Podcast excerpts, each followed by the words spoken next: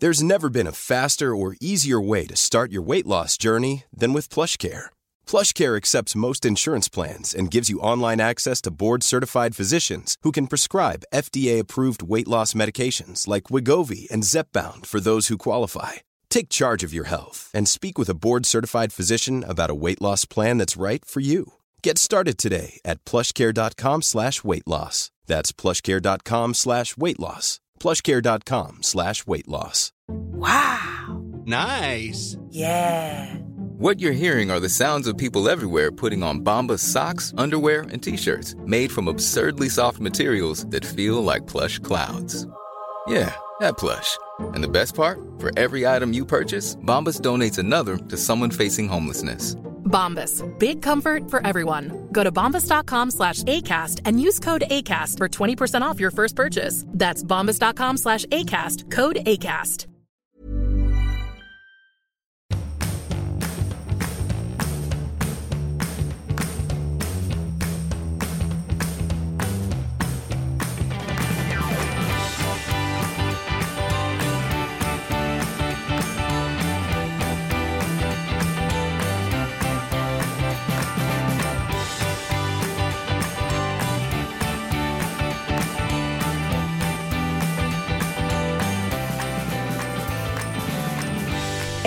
Och välkomna till Lille Lordag. Nu i sommarsverige. Jag Lille sitter i en Lordag. lada. Det, det är liksom en specialpodd nu under semestern som heter Lille. Lor.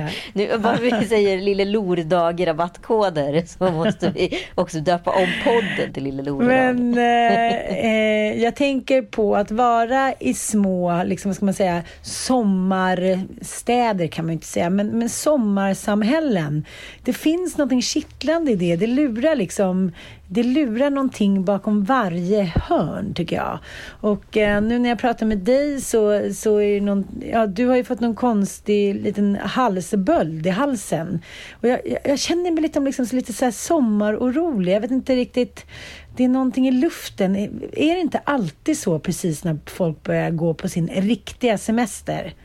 Ja men det, så är det ju verkligen. Och jag, det, det som är så tråkigt i mitt fall tycker jag när det kommer till semester. Det är ju att så här, jag jobbar så mycket så att jag blir alltid sjuk när jag får semester. Och då blir jag ju jättesjuk. Och de här, jag tycker liksom att plus 40 så har ju den här sjukväggen, den blir liksom bara högre och högre och högre. Den, liksom när man klivit in genom den där dörren, då kommer man liksom aldrig över väggen på något sätt. Du kommer, du kommer aldrig ut. Nej. Lite som Hotel California. Exakt. Du går in och har lite kul i början men sen kommer du aldrig ut. Precis så. Och så då är det så här, för att jag är uppenbarligen ingen, alltså all min stress, den ger fysiska liksom utslag. Jag kan alltså jobba i princip hur mycket som helst utan att bli liksom pang, paj i huvudet. Jag får liksom aldrig, jag skulle nog, jag, jag ska inte peppar peppar ska jag säga. Att jag inte Mm, kan, det bli utbrä- kan bli utbränd. Det kanske jag visst kan.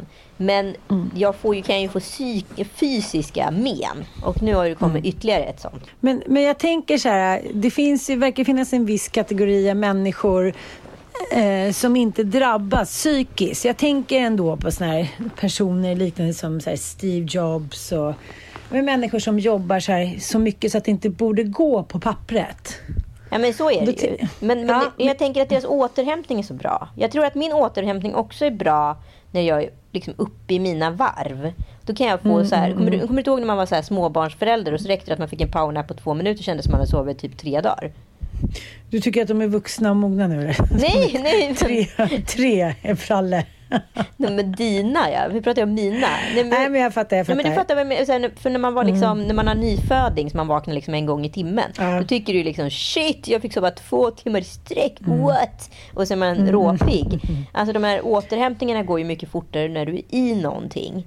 Men när du kommer ur någonting, som när barnen vaknar nu på nätterna, de är ju helt fuckade i huvudet liksom.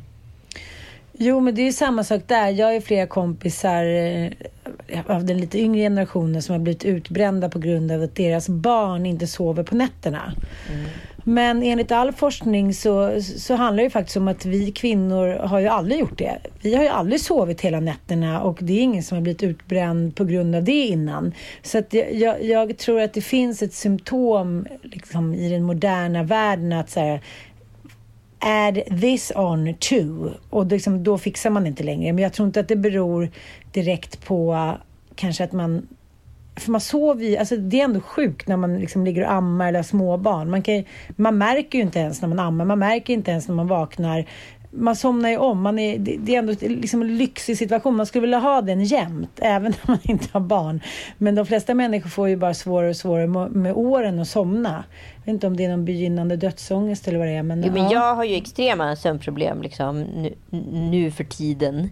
Eh, så det är mm. skönt för mig med semester för det är faktiskt nu jag faktiskt kommer ner i varv och kan, eh, kan somna. Och också det bästa jag vet det är ju att gå upp tidigt och äta frukost, kanske jobba en timme och sen gå och lägga sig igen. Ja, den är riktigt lyxig. Särskilt när, man är, nice. särskilt när det inte regnar och blåser 15 sekundmeter. Då, då är det inte lika lyxigt. Men när, man är, när det är så 25 grader eller man är i Grekland eller Italien så känner man en sån här Nap after. Men det var länge sedan. Det var länge sedan när det kommer till mig. Det var länge sedan. Det var länge sedan. Men, men, men berätta lite nu. Du, du har alltså fått någon form av eh, stresssymptomskula på halsmandlarna. Har jag uppfattat det rätt? Nej, absolut inte. Nej. Inte, inte Nej. ett rätt, men ändå kul. kul, kul. Starkt försök. Kul att du lyssnade. Det jag att du lyssnade. tio minuter sedan. Ja, exakt. Åh, min bästa kompis som inte bryr sig.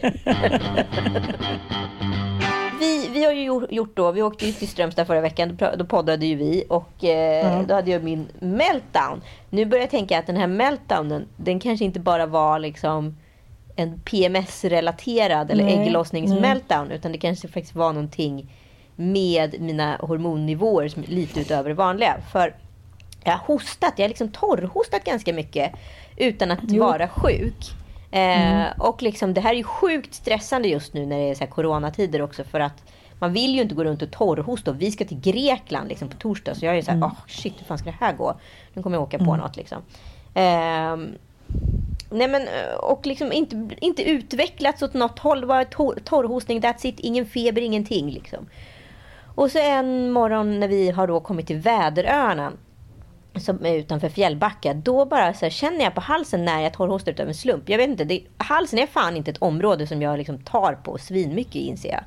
Eller jag insåg Nej. det när jag tog på min hals, hur lite jag tar på min hals. Eh, mm. Och bara så här, upptäcker liksom ett typ adamsäpple fast liksom lite för långt ner och på vänster sida strax ovanför nyckelbenen. Och bara så här, men herregud. Och Joel bara, men herregud, hur ser du ut? För då tyckte jag att jag hade varit lite svullen på halsen dagen innan. Men tänkte, men hänger väl ihop med hostningen. Men då har jag liksom fått den värsta knölen. Den är liksom i golfbolls-size. Men det är som en, en orm som har ätit en hamster. Lite så. Ja, Lite så. En rund hamster. En rund hamster, fast bara på ena ja. sidan. Allt på vänster sida, ingenting på höger. Jättekonstigt.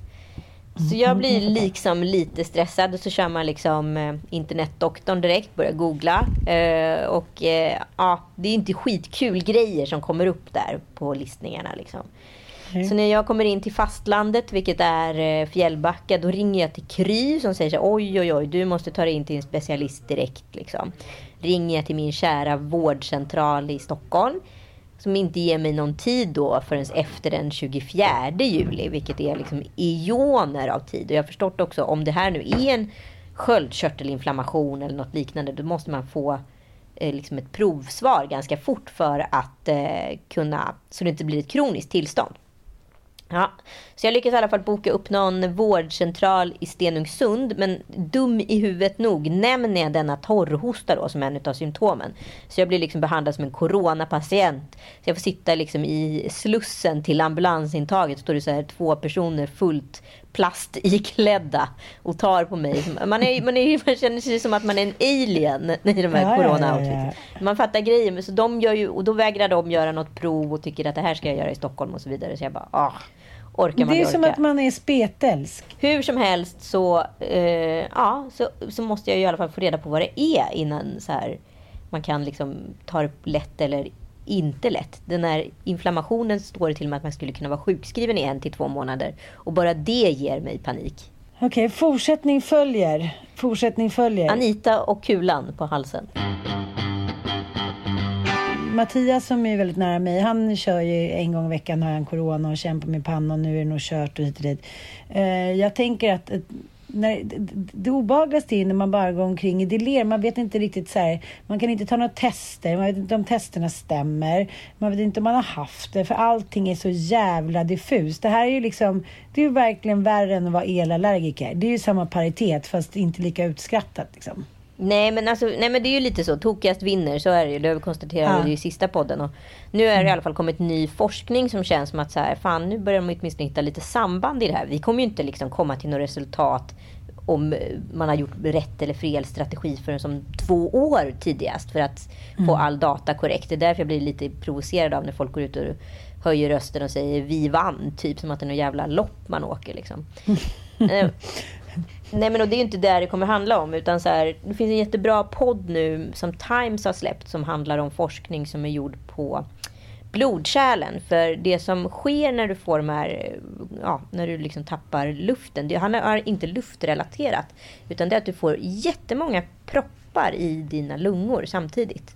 Så du ger mm en ganska hög dos av liksom blodförtunnande eller vad det är nu man får. Nu. Ja. Ja, jag fattar, spränger proppar.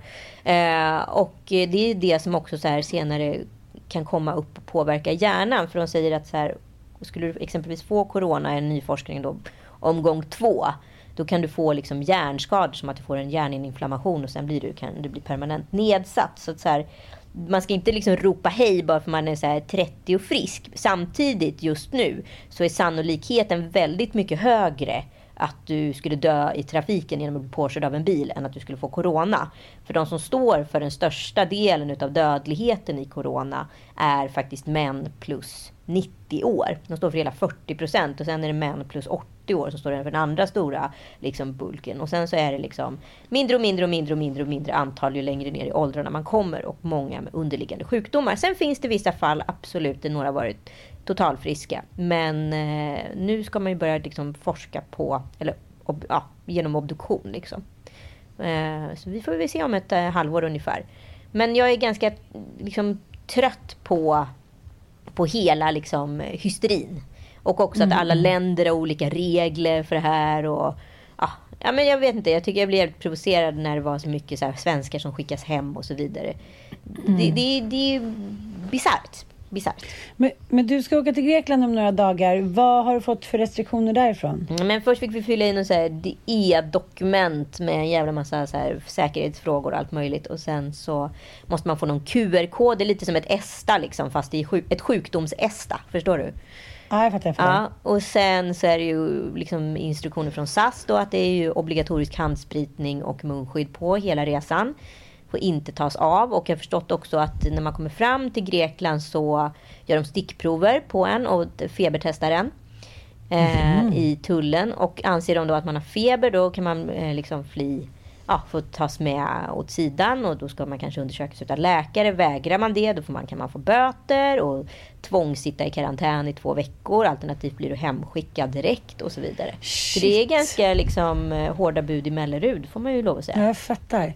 Men tycker du ändå att det känns bra? Liksom? Alltså det enda som inte känns bra just nu är ju torrhostan. Men den är absolut inte coronarelaterad till 110 procent. Eh, men det, nu har jag i alla fall fått en vårdtid imorgon så jag hoppas mycket på att kunna få något intyg på att hej, hon har inte corona, hon har problem med sin lymf, vad heter det, sin sköldkörtel. Med sin lilla boll. Jaha. Med min lilla boll, Anita Bollen. Jag kan, alltid, jag kan alltid bara be dem känna mig på halsen. Men jag tycker det är så roligt, apropå Halmstad, att man träffar människor eh, från hela Sverige, från olika samhällsklasser, som har små, små djur, som lämnas på smådjurspensionat. Jag vet, jag älskar det. Min idé är ju att göra en, eh, en vad heter det, serie om kattpensionatsägare. Vi hade ju katter när, vi var, när jag var liten. Och vi hade ja. ingen som kunde passa dem. Så när vi skulle åka utomlands på semester, då fick ju vi lämna in dem på kattpensionat. Och det här är ju alltså Eh, det här är ju alltså Tiger King i miniversion. De är inte, klok, jo, all, de är inte kloka nej, katt, men, kattpensionatsmänniskor. Nej, men de tror är inte kloka i helvete. Tror du hamsterpensionatsmänniskor är det? Vem fan lämnar in en hamster på pensionat? Nej, men jag, jag tycker bara att det, det, är som galenskap. Jag var på en, en, drink igår och då var det två personer där. Som hade, den ena hade lämnat in sin hamster, Harry, på pensionat och den andra hade lämnat in sin kanin på pensionat. Och då, det är så jävla roligt. Då, eh, hamsterpensionatet, du vet, det är kvinnor och män som älskar hamstrar mer än de älskar såklart barn, sina män och liknande. Som ägnar sitt liv åt smådjur. Och bara uttrycket smådjur tycker jag var helt sensationellt. Jag har ju själv haft massa hamstrar och jag förstår ju Shaggy, jag har ju till och med älskat en vandrande pinne. Så det är inte det att jag hånar detta, men att vi liksom gör i denna inte? bisarr... Jo, men på ett sätt gör jag det. Just denna bisarra värld. Man får nämligen intrycket av det. Nej, jo, men jag fattar, men jag kan inte låta bli att garva ihjäl mig. Men det är också så, då säger hon så då lämnar vi in Harry i fyra veckor, så åker vi då till, eh, ja, men till Gotland. Och då är Harry ganska knäckt. Han har suttit i ett rum, det har suttit en tioåring där som har spelat liksom olika jävla dataspel, så att han har kommit som ett vrak. Sen får han all denna kärlek. Så bara, då hade hon ringt dit och sagt, hej jag skulle bara kolla hur det är med Harry. Ja, det är lilla Harry, ja han mår så bra så. Jag har precis pratat med honom. Alltså det, den här hamstern mår ju så bra efter de här fyra veckorna. Han har ju varit på liksom rehab. Ja. Från så att, men, men det är ändå en, en, en sorts galenskap. Och en annan otroligt galen grej som hände var att vi bodde ju en vecka i Djurgården på STF här, på deras pensionat, deras vandrarhem. Mm. Och eh, hela miljön är ju liksom, ja men ingenting har förändrats sen, inte 1833, men kanske 1963. Oj, har vi ett alternativt datum? Fan vad spännande. Och så är det liksom ett gammalt, gammalt hus från liksom 1800-talet som ligger precis... Kan det vara ja, men vid 1833? vattnet. Det kan vara 1833, Ja. det, det, det är där vi trycker in det. Men du, det, jag vet inte hur det har varit att se, men här har det ju blåst som att liksom Oden och Tor och Kneis hammare typ har levt rövare där. Fan, en knejshammare. Den gamla gudasagorna. Ja, men Kneipur, Kneis. Tors, ja, Kneipur. Det är lite gotländsk. Det är så gotländsk nu, dialekt.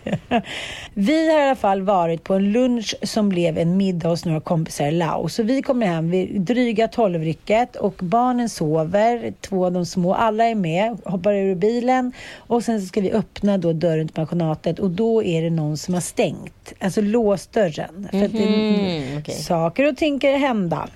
Mm. Nattlig dags. Och så att jag knackar då på rutan och då öppnar en sömndrucken pappa och säger ingen fara och så går han in och lägger sig. Alla somnar. Vid halv fyra rycket så är det som någon har blivit galen inne på pensionatet.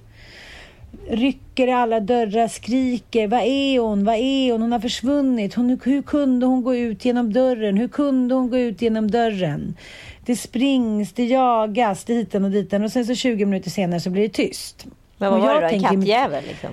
Nej, men i mitt stilla sinne så tänker jag så här, herregud, hur långt har det gått när man så här, blir galen när en katt har försvunnit ut en timme eller två på någon nattlig liksom, lurvarstund när den ska äta en råtta eller två eller inte vet jag, para sig med någon.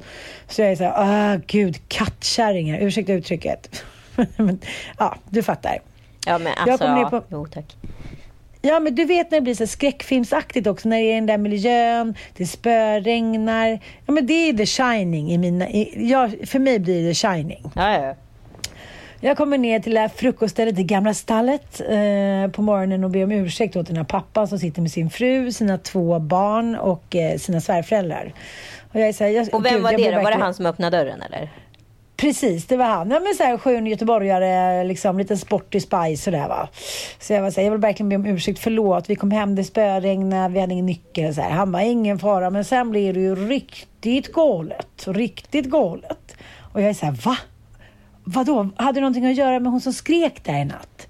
Ja, precis, precis. Och då berättar mamman att hon ligger där halv fyra på morgonen. Hon hör det här liksom ja, någon kommer och kryper ner i hennes säng. Det är så små, sm, jo, små 80-sängar. Ja, men så här, som det är på STF, våningssängar. Jag har ju legat där med frallan hela veckan så att jag vet att jag inte sovit på en vecka. Kryper ner då till henne och säger mamma och hoppar ner och kryper in. Och hon blir så lycklig för att hon tror att det är hennes son som är åtta år som aldrig kryper ner hos mamma längre. Så hon blir så här, åh äntligen så här, det är inte över typ, min lilla pöjk kurar ihop sked med den här ungen och somnar om. Nej. ja. Ja, sen händer det här då en timme senare att det blir den här galenskapsnivån och det knackar på dörrar och hit och dit och så då vaknar alla till liv och då skriker den här ungen bara Du är inte min mamma! och hon bara Du är inte mitt barn. Då är den här ungen, den här lilla tjejen som är åtta år, precis som deras son, alltså gått i sömnen. Då har hon ju öppnat den här dörren som inte var låst eftersom den här sömndruckna pappan har ju liksom glömt att låsa efter att han öppnat till oss. Nej men shit. Kanske turen då, annars kanske hon hade bara gått ut. Det ligger precis vid havet. Krypit ner då hos mamman som tycker så här, ja men det var ungefär samma storlek. Och sen somnar de om.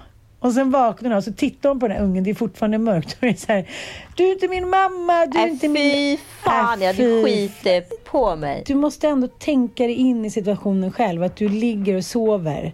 Du tror att det är Tom Allan-brallan som kryper ner. Sen blir det galenskap, du vaknar. Det, en, en tjej som ser helt annorlunda Nej, fy fan, ut. alltså, det är så läskigt Skriker att du jag- är inte min mamma. Nej, det är så Nej, läskigt. men- det är så läskigt. Och man känner ju också själv att man är typ någon brottsling då, skulle jag tänka mig. Så där fick ju de, ja, de galna kattkvinnorna fick ju bära hundhuvud för hela den här historien. Apropå smådjur.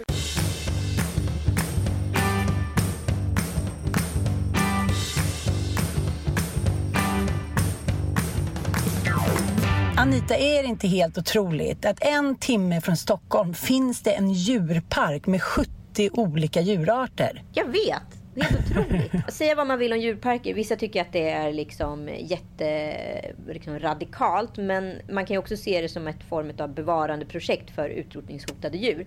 Och just det håller faktiskt Parken Zoo på med.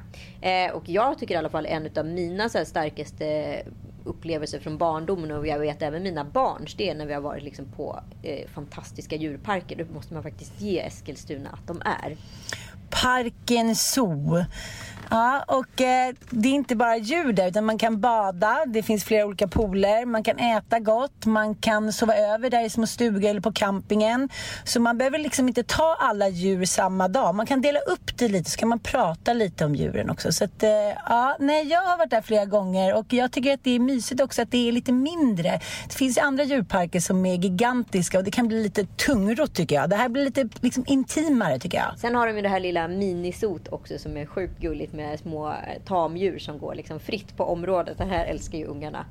Och sen så har de ju även djur som eh, gibbonapor, tigrar och liksom jaguarer vilket är otroligt fascinerande att titta på. Och särskilt nu under coronatider så är det helt magiskt för att nu kan vi faktiskt inte resa någonstans och eh, titta på vilda djur. Så att det finns väl ändå, ändå bra saker med att det finns djurparker. Det tror jag att vi alla är överens om. Och Parken Zoo ligger bara en timme bort från Stockholm och är magiskt. Ja, och jag tycker det är perfekt som ett så här pitstop. Speciellt när man är ute och bilar med ungarna. Man vet bara hur, hur fort det går innan de bara, när är vi framme? Då är det perfekt att stanna i Eskilstuna.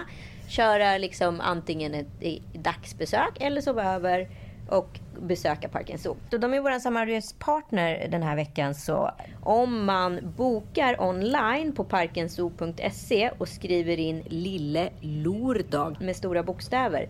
Då får man 50 kronor rabatt per barnbiljett när du köper biljetter. Inte dumt. Nej, då blir det billigt också. Tack Parken Zoo! Tack Parken Zoo!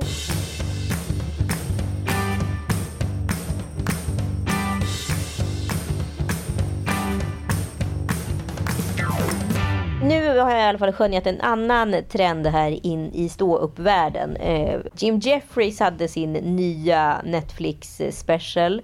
Eh, den kom förra veckan och var alltså, helt otrolig. Du måste se den. Den är så rolig så att eh, jag svimmar. Alltså det är typ det snyggaste hantverk jag sett på länge. Han är så bra, så bra, så bra. Men han hade en passus om, det, om jordnötter. Och sen så har ju Ricky Gervais gått hårt åt eh, jordnötsallergikerna.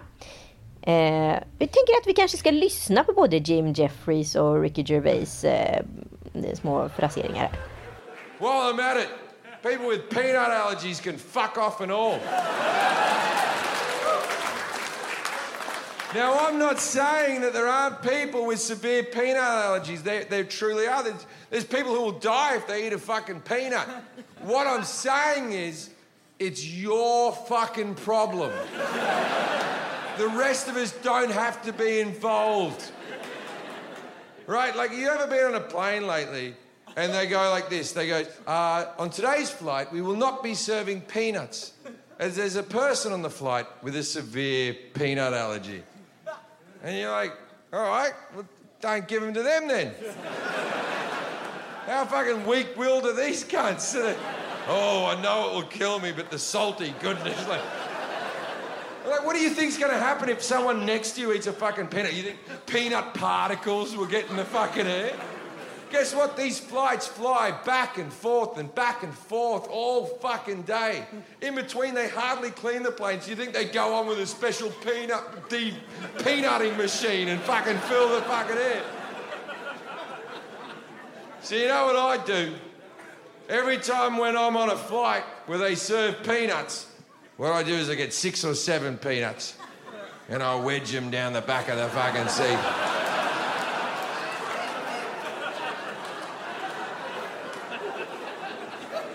And if someone ever dies, I'll be the first person to say I was wrong. Jag, tycker, jag tycker ändå att det är helt otroligt. För att det är ju verkligen så här. Vissa människor som bara luktar på en jordnöt kolar på fläcken. Alltså som dödsstörtar rätt ner i helvetes döden för ja. att de luktar eller ser en jordnöt. Så det är ändå rätt hårigt att skämta om det. Sen har vi också Ricky Gervais fantastiska, låt oss lyssna på den med. Right, so I was flying uh, Heathrow, JFK just before Christmas, right? Boarded us early on the plane. She comes round, oh, champagne in a wine glass, like you like it, Miss Gervais. I go, thank you. She goes off. I go, excuse me, got any of them warm nuts? She went, oh, we're not handing out nuts on this flight. There's a lady getting on who's so allergic that even someone else eating nuts in the vicinity would cause her to have a fatal reaction. I went, oh my God. She went, yeah. I said, oh, of course, yeah. I was fuming. I mean, what's that got to do with me? Why can't I eat nuts just because fucking this woman will die, right? Nuts. I mean, how has she lived this long? If, if walking by a nut kills you, if being just near a nut, how has she never been near a nut before?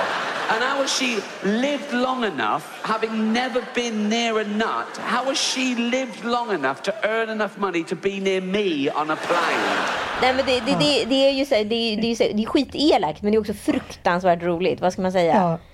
Jo, man kan ju sätta bara... jordnöten in i vilket sammanhang som helst. Man behöver inte vara just en jordnöt. Det kan vara liksom gräsallergiker eller, va, eller ja, bara ja. så här eh, rädda för spindlar. Whatever liksom. Mm. Men, men handlar det inte om att det är så här när det handlar om dagligdags, vad ska man säga, sånt som finns runt omkring oss hela tiden eller dagligdags konsumtion ja, som så... jordnötter. Så blir det liksom extra roligt att driva med för att det känns så här, men herregud, hur, liksom, hur allergisk kan man vara mot en jordnöt? Det, det, blir, det, liksom, det blir lite som en tecknad film, att en jordnöt kan ställa till med så jävla mycket. Jo, men det är också så här, vad ska man säga, så, det, här, det här är väldigt så här, vad ska jag säga, mellanstora problem för män som är jordnötssugna. Ja. Att behöva uppoffra sin jordnötssugenhet på grund av att en annan människa kan dö. Kan det bli så mycket mer ilandsproblem? Det är väl det som Nej. är det spännande och ut, utmanande i de här liksom, pa, ja, fraseringarna eller liksom passagerna. Mm. Men det blir väl också extra tydligt på sommaren när man kanske ska åka charter. Eller bara klipp till igår när Mattias sa så här, jag hade varit så mycket lyckligare om det hade funnits öl kvar. Nu sitter jag här och dricker vin och känner mig bara olycklig. Stackars, nej, stackars karl. Nej, det var djupt allvar bakom att all öl var så. Att han inte bara kunde få ta sig den där ölen nu efter detta hårda jobb. Han hade varit ensam med Bobster i 24 timmar här i Djurgården. Allt han ville var att ta en bärs och så fick ja. han ta ett glas vin. Jag, fatt, ja. jag, vet, jag fattar blev, ändå. Blev djupt olycklig. Hur, som, hur mycket roligare och färgglatt livet hade varit om det hade funnits en ö. Det, det blir också tydligt på sommaren tycker jag, the, whole, the holy grails eller the big fives för män. Och där kanske eh, snacks just ingår. Att, så här, och om man tar en liten parallell till förra veckans spaningar då med spanarmännen så är liksom, jag tycker att allt det där går hand i hand. Men skulle inte du ringa upp en psykolog den här veckan och hålla på? Jag känner att du är gravt underförberedd, Ann Söderlund. Jag är inte undernärd, jag är inte gravt undernärd. Jag inte. Nej, men just det där att det kanske handlar om det. Jag pratade med en psykolog om just det här fenomenet att att männen älskar så mycket när de får grotta in sig. Och det Nej, nu inte ljuger du så mycket. Nu ljuger du så jävla mycket. Nej. Nu är jävla mini-Filip Hammar. Vad fan håller du på med? Nej, jag skulle väl aldrig ljuga. Men vadå, vad Det är det för han psykolog du, vad heter det, du har ringt? Som du inte har levererat Jag, jag har inte live. riktigt Nej, honom. exakt! Nej, jag har träffat honom vid tennisbanan. Alltså, Han Okej. kanske inte gick hela psykologiprogrammet, Nej, men han okej. gick tre år. Ja, nej, det är långt ifrån hela. Ja, men, men det, Wow, galen på dig. Nej, nej, men vadå, han är halvpsykolog. Det är som du och jag. Vem fan, vem fan är halvjurist? Nej, men jag gick till min halvjurist eller halvläkare. Ha- Halvbrottsling kan man vara i och för sig. Ja, det är du. Men just nu, så ljuger. Men kom igen! Vadå, vad sa din halvpsykolog för någonting? Nej, men vi pratade om det, för du och jag hade precis poddat när jag träffade honom. Och då sa, jag, då sa han så här att ja, men många av de här spanarmännen är ju såklart män med bokstavskombinationer. Asperger sa ju är en klassisk spanar bokstavskombinations eh, liksom, eh, grepp, man ska säga. Eller, eh, även autism och liknande. Och det höll jag med om. Men så sa han, så tittade han på mig och sa han så här, men när man får snöa in på någonting och ingen finns i närheten ingen stör en, det är väl då man är som allra lyckligast, eller hur? Och då, då tänkte jag så här, ja, det, det kanske är då man är allra lyckligast. Och då tänker jag att det behöver inte vara något liksom större attribut. Det behöver inte vara ett Palmemord. Det kan vara några, en näve nötter, en pilsner och en liten fotbollsmatch. När man ser på hur barna växer upp och står i. Kan man undra om barna någonsin får det som vi? Om det finns jobb, om det finns mat, om det är drägligt där de bor Finns det får och kor och vatten och luft Kan de sola sig gratis. Finns det blommor och blad? Har de fläsk och potatis? Kan de ta sig ett bad Framtiden verkar dyster när man grubblar över ett glas öl Men man hoppas att barna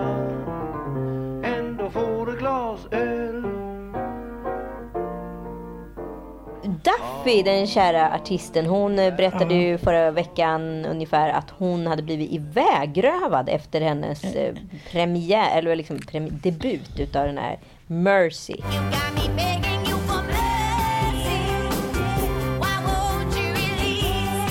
Jag, jag, jag känner mig väldigt förvirrad kring hela den där historien. För att hon har ju redan berättat om det för några år sedan på sin blogg. Och nu har det återkommit då. Men hur mycket jag än läser det inlägget och hur mycket jag än hör förklaras så får jag aldrig någon förklaring. Vem var det? Varför följde hon med? Var det någon snubbe till henne? Har han blivit åtalad? Hon berättar alltså att hon har blivit kidnappad och våldtagen i veckor.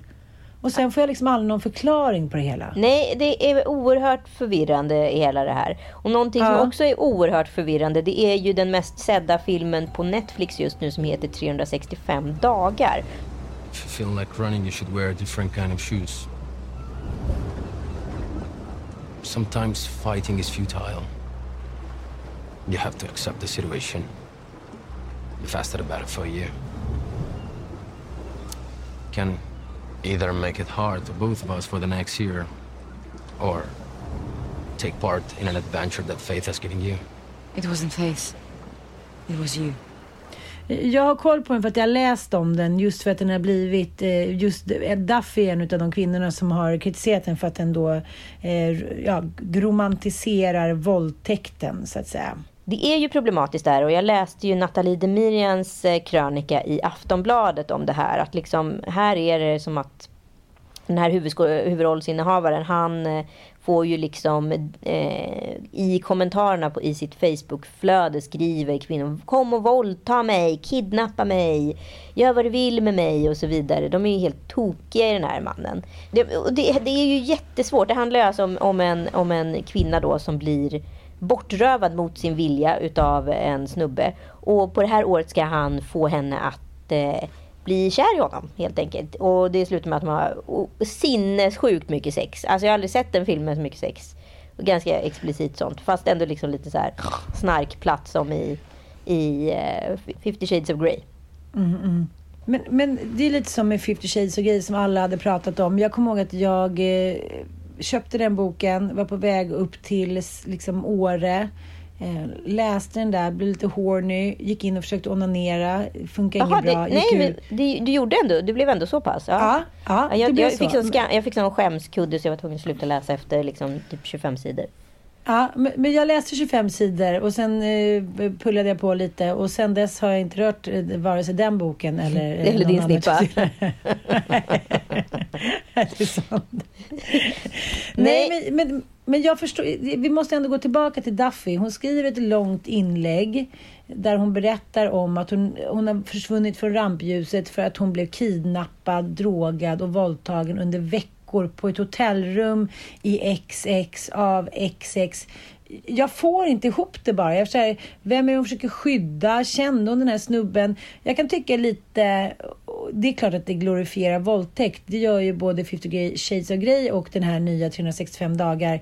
Men när man inte heller liksom talar ur skägget så blir det också en del att bli medskyldig till att man inte liksom berättar om vad som händer mot andra som har rå- råkat ut eller kan råka ut för samma sak. Så att det, jag får inte riktigt ihop hela den här historien. Det Nej. kanske är jag som har läst för lite eller missuppfattat någonting. Men, men jag tycker att det känns väldigt blurrigt allting. Nej, men jag kollade på den här eh, filmen i alla fall. Eh, det, det jag stod ut med att titta på. För det är verkligen så, ja det är så dåligt. Äh, förlåt. Ja, eh, upp till In the eye of the beholder som man ska säga att det är. Eh, men då är det liksom en scen på en båt som jag blev så här, reagerade jättemycket på. Som är så här att eh, han, när huvudpersonen, han har liksom någon pappa tror jag som är någon maffiachef. Och den här kvinnan då, hon har då eh, dansat någon lapdance-ish på en nattklubb eh, för något rivaliserande gäng. Så det har utbrutit ett krig mellan de här olika maffiafalangerna. Eh, så hon då, som har ändå blivit kidnappad utav honom, är då så sinnessjukt medberoende redan. Så det första hon gör är att be om ursäkt för sitt beteende. Och sen så kastar Ja, de sig över båt. Stockholmssyndromet. Ja, så mycket Stockholmssyndrom. Och det här, liksom, det här rättfärdigas på ett sätt i den här filmen som jag liksom inte sett sedan 1833 som du brukar säga, Ann Söderlund. Eh, jag blev helt liksom chockad utav att eh, tonen kändes otroligt liksom pretty wo- woman liksom. A.k.a. Ja, det är det liksom, jag tänker också. Det är 1989. SM Pretty Woman. Ja. Och självklart var ju den traditionella. Jag kan ju inte gå ut på bal om vi inte går och shoppar först. Och sen är det liksom den, du vet, den shoppingscenen. Jag snarkar så mycket när jag hör att det 2020 spelas in en så SM Pretty Woman. Ja. SNM. Och eh, man ska inte underskatta det. För, för det handlar nämligen om att man duperar särskilt unga kvinnors liksom, vad ska man säga, tro på vad som är normaliserande. Och det pratade jag senast med mina tonåringar om. att så här, Nej, vi kan, man kan inte normalisera allt för att allt finns. Och det är ju så lite som den liksom moderna världen är. att så här, men det där hatade uttrycket. Så länge man inte skadar någon så får man göra lite vad man vill. Ja, det är väl klart att man, liksom, att man får göra det. Men det är lite som när man ser på Filthy Rich med Epstein. Att så här, vem vet vad som skadar någon som redan är sårbar? Det är människor som, som är som jävla hygiener som kan nosa sig till utsatta människor i utsatta situationer. De känner det bara. Ja, men det är Precis som man själv har talanger på att hitta både det ena och det andra så, så, så finns det människor som är liksom galningar som, så här, som luktar till sig som vargar luktar blod. Det är bara så. Ja, men och det är en dokumentär som går nu på Dplay om människan och ondska. Eh, och liksom Mm, forskare, alla forskare har ju konstaterat att våran art är ju den ondaste.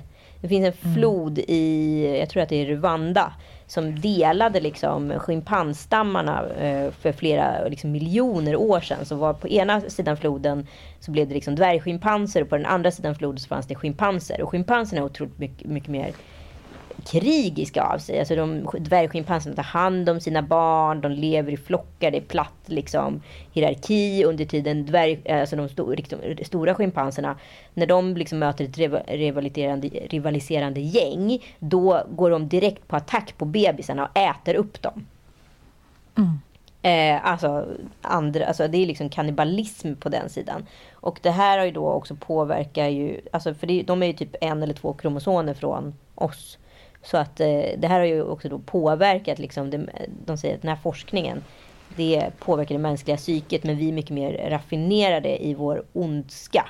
Vi har ju det där liksom basala i oss. Ja, men jag har ju legat och läst lite kvinnliga filosofer som har ägnat typ hela sitt liv åt att försöka liksom knäcka koden. Varför många av de här eh, ja, Ivan den förskräcklige och eh, vad heter hon, Leni Riefenstaff och alla de här kända bödlarna från andra världskriget.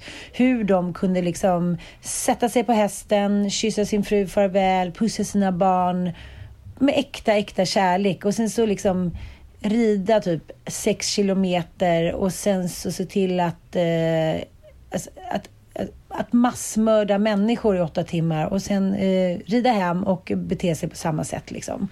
Och den stora frågan för, för henne och även andra som har forskat kring det här såklart, Hanna Arendt och liknande, är så här, vilket ansvar har man själv? Kan vem som helst bli ond?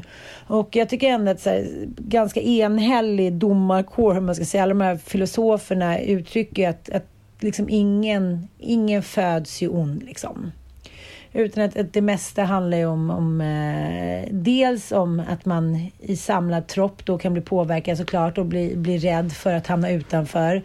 Men, men mycket om, om liksom just vad som händer i barndomen och vad som är normalt där. Mycket antingen känslokalla mammor eller despotiska misshandlande papper. Men också det här, den här masspsykosen som sker. Liksom. Hon har ju ägnat liksom tusentals timmar åt att intervjua alla de här människorna. Men, men eh, ja, eh, det är jävligt intressant för det, det, går ju inte att förlåta allting. Det blir ju liksom...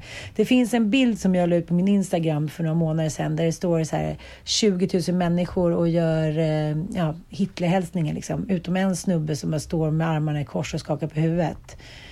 Man vill ju vara den människan, men man vet ju inte om man skulle vara den snubben om det där väl hände. Det är liksom som så mycket starka, eh, vad ska man säga, masspsykoser och rädslan för utanförskap som människan alltid liksom drabbas av. Att man, men vi är ju ett flockdjur fortfarande, fast mm. vi försöker vara individualister. Det är ju liksom, det är snarare mm. så än tvärtom. Liksom. Det är ju inga mm, individualister mm, det... som försöker vara ett flockdjur, utan vi är ju i grund och djur i grund och botten är vi som de onda schimpanserna liksom på ena sidan floden i Rwanda. Mm, men det märker man ju också med de här tonårstjejerna som de som är i tidiga tonåren som man umgås med här på Gotland hur jävla elaka de kan vara med varandra. Den här utfrysningsmetoden som är typ, det är den värsta jag vet. Det är väl alla tjejer råkat ut för. Att man helt plötsligt en dag inte är önskvärd i klungan längre för att man har gjort någonting fel. Dels antingen kanske man inte har blivit liksom tillräckligt tjejig tillräckligt tidigt, man har inte rätt attribut eller också är man tjejerna avundsjuka, man är ett hot. Men, det är också äh, roligt det... i senare ålder när alla ska återberätta om sina tonår så var de ju aldrig den tjejen. De var ju alltid någon annan Nej, tjej. det är aldrig någon som har mobbat. Är inte det helt sjukt? Det är helt sjukt. Det är sjukt mycket mobboffer ja. där ute men aldrig någon som har mobbat. Ja, men det, det är underbart den självinsikten som vi alla har. Nej, men jag blev jättedrabbad av en eh, liksom, kompis ja, som är liksom plus 45 som är en av väldigt god vän till mig. Hon har ju då blivit liksom 100% utfryst på samma sätt eh, utav sitt tjejgäng. Eh, och nu plus liksom, 45? Ja, att liksom det wow. inte tar slut. Men gud vad hemskt. Ja, så jävla hemskt. För att, och vet ni vad vet, vänta. Och vet du vad orsaken är? Eh, ofta handlar det om, det kände jag lite när jag var singel här för sju och ett halvt år som man kom in och hade någon kort kjol på någon middag där det bara var liksom gubbar och tanter som har varit gifta i 20 år. Då var man ju inte så här poppis i köket direkt. Eh, kanske att hon har skilt sig och är singel? Nej, hon har inte hanterat coronasituationen på ett korrekt sätt. Nej men sluta! Nope. I'm not Är det orsaken you. till att hon är utfryst? Ja. Hon eh, gick på en fest efter att ha suttit i karantän i tre veckor. Där nästan alla blev sjuka. Eh, och så satte hon sig själv i karantän i tre veckor och sen så gick hon tillbaka till jobbet. Och då blev folk irriterade på henne.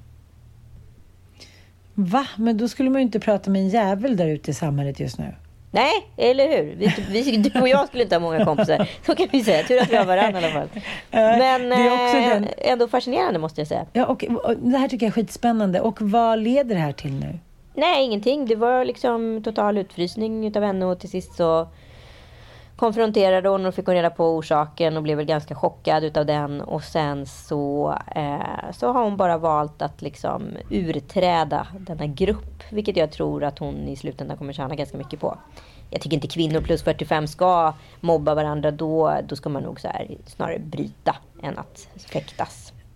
Jo, jag vet. Men, men det är också som vi har pratat om innan att eh, man behöver ju sin grupp och det är ju läskigt. Alltså, Det är läskigt att behöva bryta Det är alltid lika chockartat. Man är alltid... Men jag tycker man går upp omkring med det hela tiden. Att man är alltid lite rädd för att man helt plötsligt inte ska vara älskad eller inte få vara med i gruppen. Och jag menar, jag tycker så här, ju längre man lever ju eh, tydligare blir det att man behöver inte göra så väldigt liksom, starka övertramp för att helt plötsligt vara så här, vad ska man säga, den lilla bastarden i gruppen. Utan man måste på ett intrikat sätt spela sin roll rätt. Och det pratade vi om förra veckan på min rosétennis. Men fasen vad mina fördomar kom av sig när jag kom dit. Är det så? Det här var ju liksom tantaluror, ah, 50 plus och 40 plus som eh, liksom har spelat tennis hela sitt liv. Så nu är var- både du och jag tantaluror alltså? Ja, nej men det var trollet Plupp med grått rufsigt hår som typ... Jag sa det till henne, vet du den där serven gav mig nackspärr? Den gav mig nackspärr. De är, de är stencoola. Och så bara slår Ja, det de så liksom- jävla hårda smashar. Nej, det var så här trollemor och trollegänget. Det var ett rö- delar av det var så här skönt rövargäng. Så att jag, jag skämdes faktiskt lite där när jag kom dit. Jag kände mig... eh, Du kände dig för fin. För ett tag sedan träffade jag en yngre kompis eh, på, en, eh, ja, på en lunch. Och vi hamnade, vi kom in i något så djupt sexsnack. Hon har precis träffat en ny kille och var så här. "Ah, vi, han ville så här, testa Mr Grey-grejer med mig. Och jag var så här, jaha okej, vad är det då? Liksom, låtsas vara dum, det är klart jag fattar. Tänker jag. Eh, ja, det var ju såklart. Vänta här nu. Skulle Anita Smula Clemonti inte ha någon koll på samtida populärkultur? Men det är väl klart, men jag vill ju veta, jag vill ju Ja, lurka fattar. och få henne att berätta Mm. själv. För att få Jag fattar, men göttet. ändå mm, då Ja, kan inte hon känna det- till dig särskilt väl. Nej men då slutar det med liksom att hon berättar allt om att hon får liksom, fått en så fläskläpp som är helt blå. Eh, han har liksom satt på henne i alla hål och hon har liksom ont i princip överallt. Hon har så stryp, strypgrepp och liksom alltihopa. Och allt det här var ju liksom super, super spännande. Eh, tyckte hon. För att hon hade gått med på det här. Men då började jag liksom verkligen fundera på. För jag bara kände så här. Från början var det en lite spännande fråga från mig. Men sen så bara kände jag att jag fick mer och mer obehag ju längre in i historien man kom. Man bara kände så här. Men liksom tjejen du har ju blivit så här våldtagen. Förstår du inte det?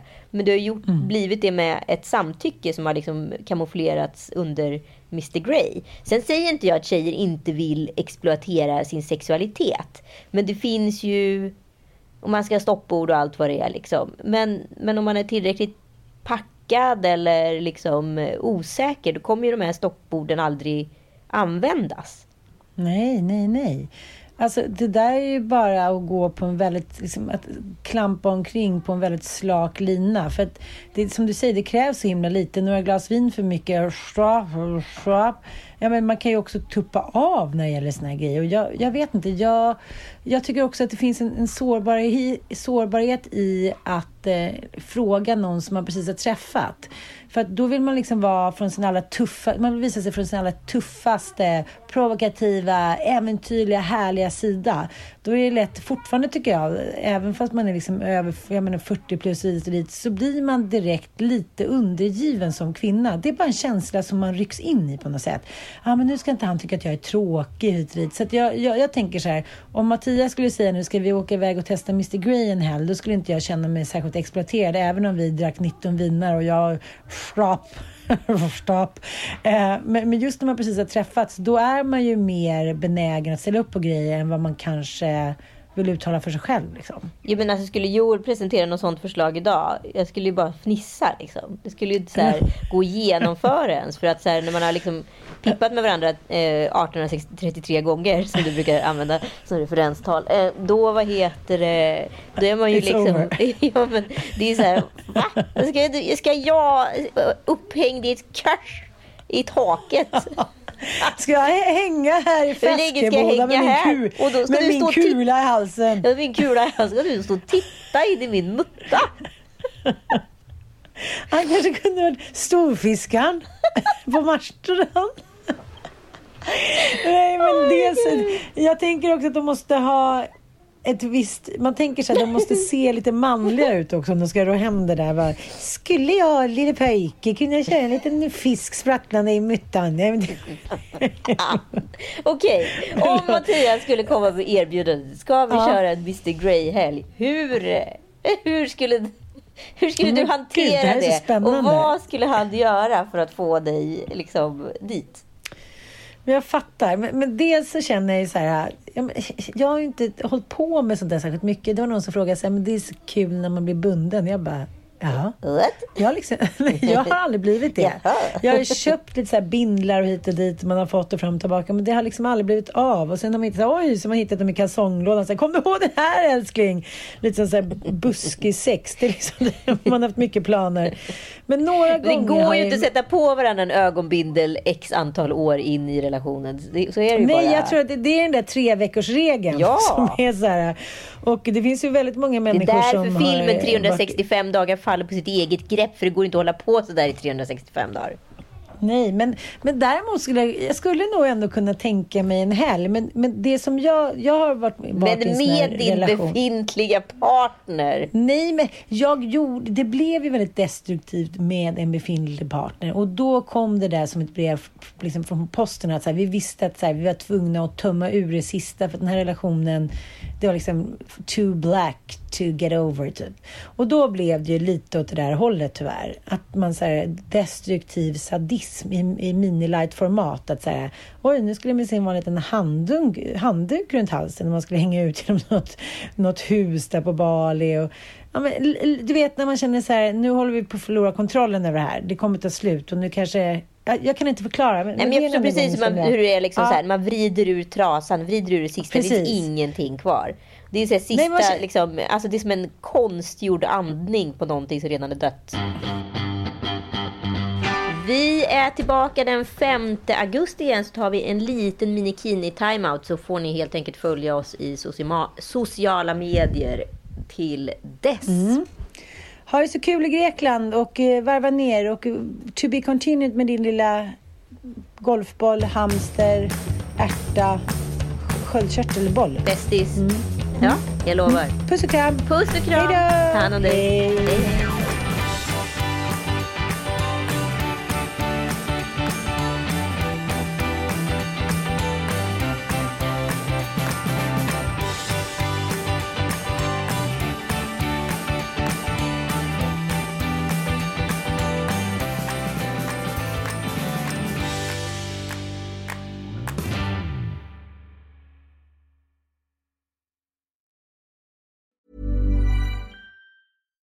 Flexibility is great. That's why there's yoga. Flexibility for your insurance coverage is great too. That's why there's United Healthcare Insurance Plans. Underwritten by Golden Rule Insurance Company, United Healthcare Insurance Plans offer flexible, budget friendly coverage for medical, vision, dental, and more. One of these plans may be right for you if you're, say, between jobs, coming off your parents' plan, turning a side hustle into a full hustle, or even missed open enrollment. Want more flexibility? Find out more about United Healthcare Insurance Plans at uh1.com. Flexibility is great. That's why there's yoga. Flexibility for your insurance coverage is great too. That's why there's United Healthcare Insurance Plans. Underwritten by Golden Rule Insurance Company, United Healthcare Insurance Plans offer flexible, budget friendly coverage for medical, vision, dental, and more. One of these plans may be right for you if you're, say, between jobs, coming off your parents' plan, turning a side hustle into a full hustle, or even missed open enrollment. Want more flexibility? Find out more about United Healthcare Insurance Plans at uh1.com.